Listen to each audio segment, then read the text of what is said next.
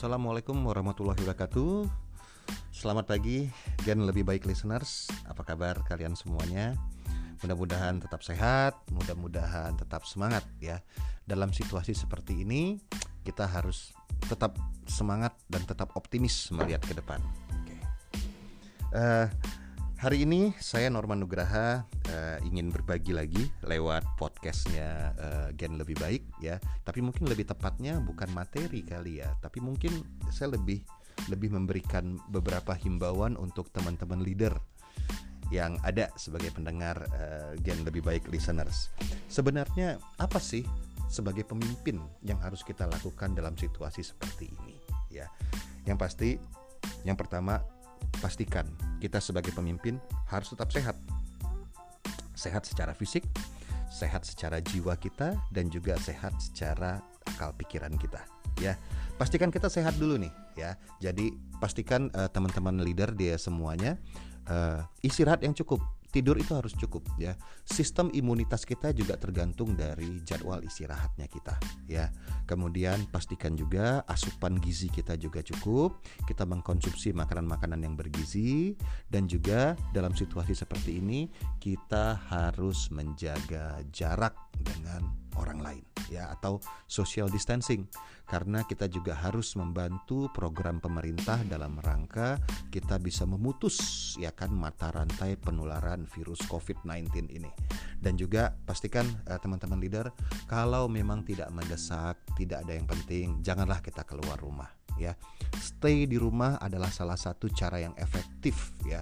Mengisolasi diri itu adalah sebagai salah satu cara yang efektif. Nah, kalau kita sebagai pemimpin kita sendiri udah tidak sehat, akan sulit nanti kita ke bawah. Jadi, poin pertama, pastikan kita tetap sehat dulu. Oke. Yang berikutnya, dalam situasi seperti ini, ya kita sebagai leader jangan kita ikutan panik. Ntar malah panik kita nggak bisa mikir nantinya.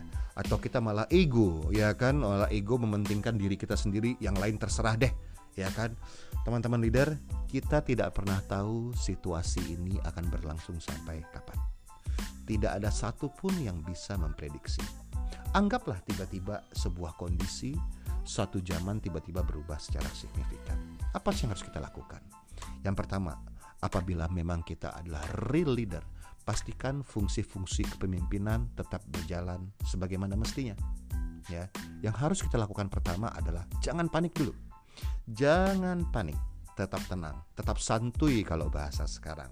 Yang pasti, yang pertama, tetap berikan semangat kepada orang-orang yang kita pimpin. Tetap berikan rasa aman kepada orang-orang yang kita pimpin. Ya kan? Pastikan mereka tidak panik. Ya kan? Pastikan mereka tetap optimis menghadapi situasi seperti ini. Oke. Yang berikutnya lagi, gitu loh. Karena sekarang kondisi menjadi bisa dibilang kondisi luar biasa, segala sesuatunya berubah. Oke, pasti kita punya strategi. Rubah segera strategi kita. Lihat lagi, apakah strategi yang sebelumnya kita buat sebelum situasi berubah drastis seperti ini masih relevan atau tidak? Kita harus rubah semuanya. Oke, jadi setelah kita rubah strategi, bikin plan yang baru, tetap lakukan koordinasi.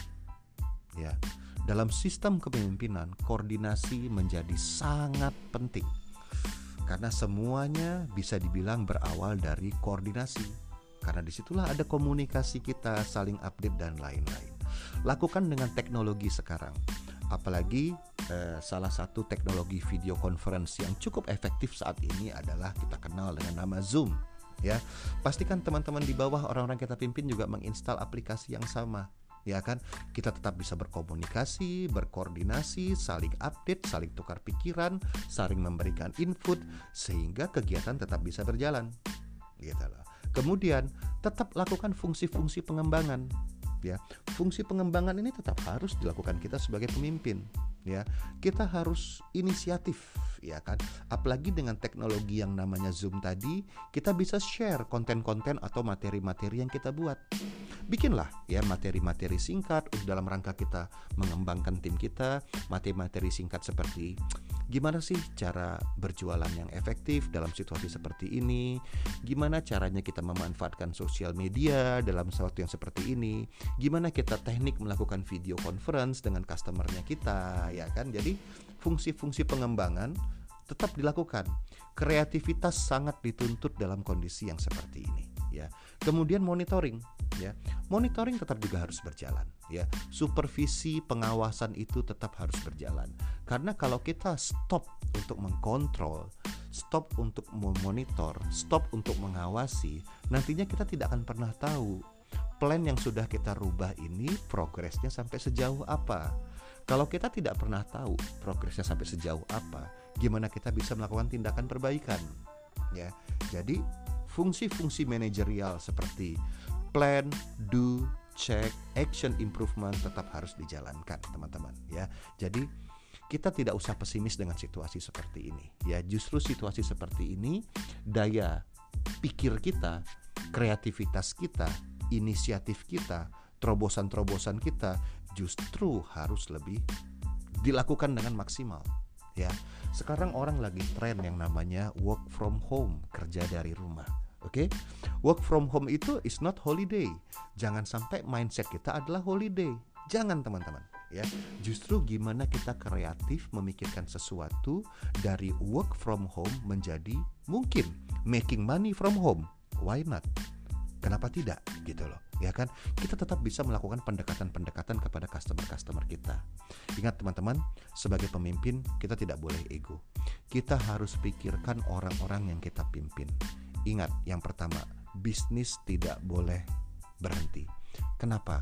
Kalau sampai bisnis berhenti kasihan ya. Orang-orang kita nggak bisa makan. Jadi kita harus tetap memompa semangat mereka ya kan? Meminta mereka untuk yang kreatif. Kita juga kreatif memberikan solusi-solusi ke mereka ya. Saat sekarang ini permintaan asuransi cukup tinggi ya banyak orang mulai waspada mulai takut kalau kenapa-kenapa ini harusnya menjadi peluang buat kita jadi pastikan bisnis itu tetap berjalan Oke. Yang kedua, kenapa bisnis tetap berjalan? Ya otomatis teman-teman, ekonomi tetap harus stabil. Karena dalam situasi yang seperti ini, ya kan kalau misalnya ekonomi drop, waduh, multiply efeknya akan bisa lebih jauh dan akan bisa lebih berat buat kita semuanya. Ya. Jadi sekarang kita mulai dari diri kita ini.